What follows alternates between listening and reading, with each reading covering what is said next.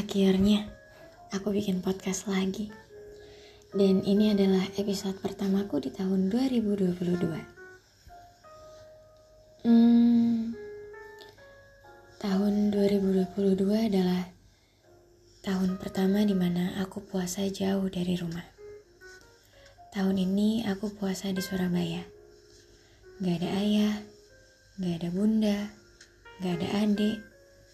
Kali pertama aku harus bangun sahur sendirian. Kadang sengaja gak tidur biar tetap bisa sahur. Bingung mau makan apa, minta tolong temen buat bangunin sahur. Harus nyiapin makanan sahur sendirian, makan sendirian. Kadang ada waktu di mana masih banyak jeda sampai waktunya azan subuh. Aku duduk sendirian di kamar, lihat langit-langit kamar, merenung aja. Mikir kira-kira di sana ayah sama bunda sahur pakai apa ya? Adikku yang kecil ikutan sahur nggak ya? Di sana adikku yang kecil kesepian nggak ya? Karena semua kakaknya jauh dari rumah. Biasanya kalau buka puasa, ayah suka banget beli gorengan. Kadang aku sebel karena gorengan yang dibeli banyak banget. Dan biasanya yang jadi rebutan itu pisang molen. Belum lagi harus berantem karena adikku yang kecil itu kalau makan pisang molen, yang dimakan pisangnya doang. Kulitnya ditaruh di piring dan ujung-ujungnya kakaknya yang makan. Di sini aku nggak bisa makan gorengan kayak gitu, karena aku meminimalisir kemungkinan aku bakal batuk. Soalnya kalau sakit di rantau tuh nggak enak. Jadi aku sebisa mungkin gak makan dan minum yang bisa bikin batuk di sini. Ada kalanya di mana aku kangen banget sama rumah. Tapi gak bisa apa-apa. Gak kerasa banget ternyata udah sampai di fase ini.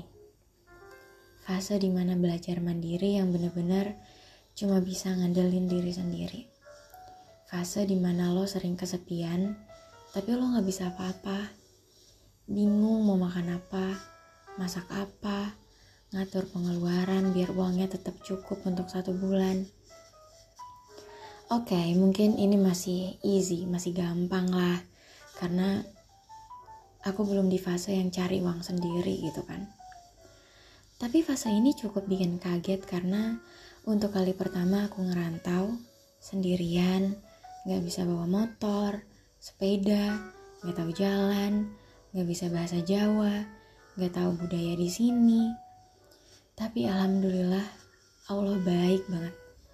Di sini aku dikasih teman-teman yang baik banget sama aku. Aku punya teman dari jurusan hukum, namanya gak aku sebutin karena aku belum izin sama orangnya. Dia menawarkan untuk berangkat ke kampus bareng. Padahal jam kita beda. Dan dia jadi nunggu satu setengah jaman di kampus karena datang lebih awal dari jam yang seharusnya. Aku juga punya teman yang baik banget. Dia anak kampus C. Kelas dia lebih awal dan jam pulangnya dia itu adalah jam masuknya aku. Dia nggak langsung pulang, tapi dia jemput aku dulu buat ngantar ke kampus. Sering banget aku bilang aku mau naik grab aja, tapi dia tetap mau jemput aku dan dia nungguin aku kelar kelas buat nganterin aku balik. Gak jarang kita makan bareng dulu sebelum aku balik ke kosan.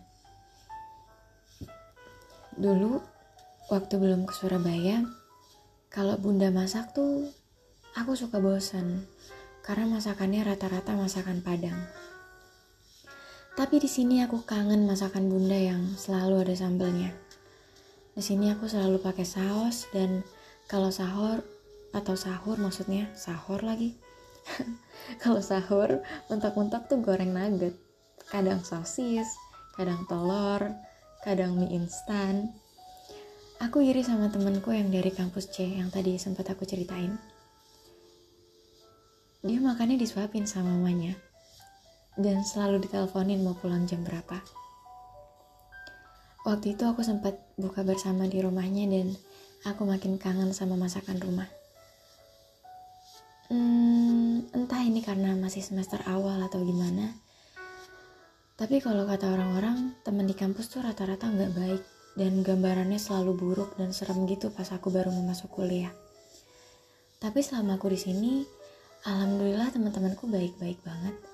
Walaupun aku sering kesepian kalau di kosan, tapi temanku yang anak kampus C ini sering banget ngajak keluar, jalan-jalan, keliling Surabaya, dan aku dikenalin banyak tempat juga di sini. Semenjak aku jauh dari rumah, aku jadi paham kenapa orang-orang marah waktu ada larangan gak boleh mudik.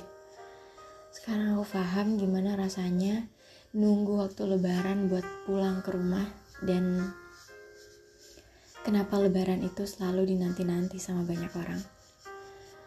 Ternyata jadi anak rantau tuh bikin aku lebih menghargai hal-hal kecil.